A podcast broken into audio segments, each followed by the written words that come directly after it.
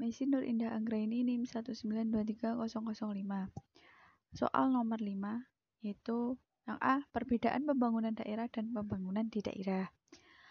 Pembangunan daerah yaitu upaya terencana untuk meningkatkan kapasitas pemerintah daerah sehingga tercipta suatu kemampuan yang handal dan profesional dalam pelayanan masyarakat dan mengelola sumber daya ekonomi di daerah. Pembangunan di daerah yaitu upaya untuk memberdayakan masyarakat di seluruh daerah sehingga tercipta lingkungan yang lebih baik, maju, dan tentram dan meningkatkan harkat martabat serta harga diri. Yang B. Tahap penyusunan RPJPD.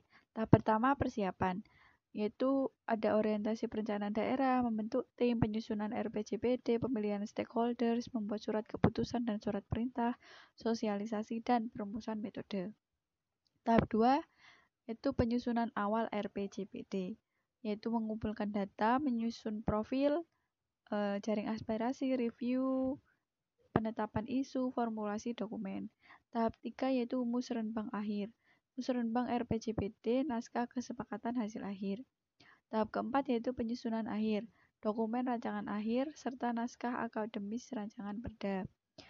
Tahap kelima penetapan perda, yaitu penyampaian naskah perda kepada bupati, dan DPRD, konsultasi diskusi Bupati Bapeda dan DPRD, pembahasan ran perda, serta penetapan perda dan RPJPD menjadi sah.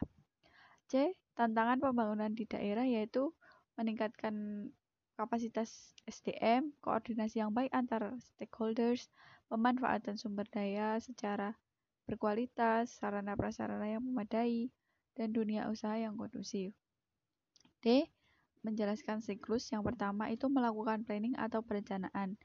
Lalu melakukan budgeting dengan menyusun RAPBD. Kemudian diimplementasikan. Setelah diimplementasikan, kemudian dilakukan monitoring dan evaluasi yang dilakukan oleh BPKP. Dari tahap tersebut eh, selalu dilaporkan.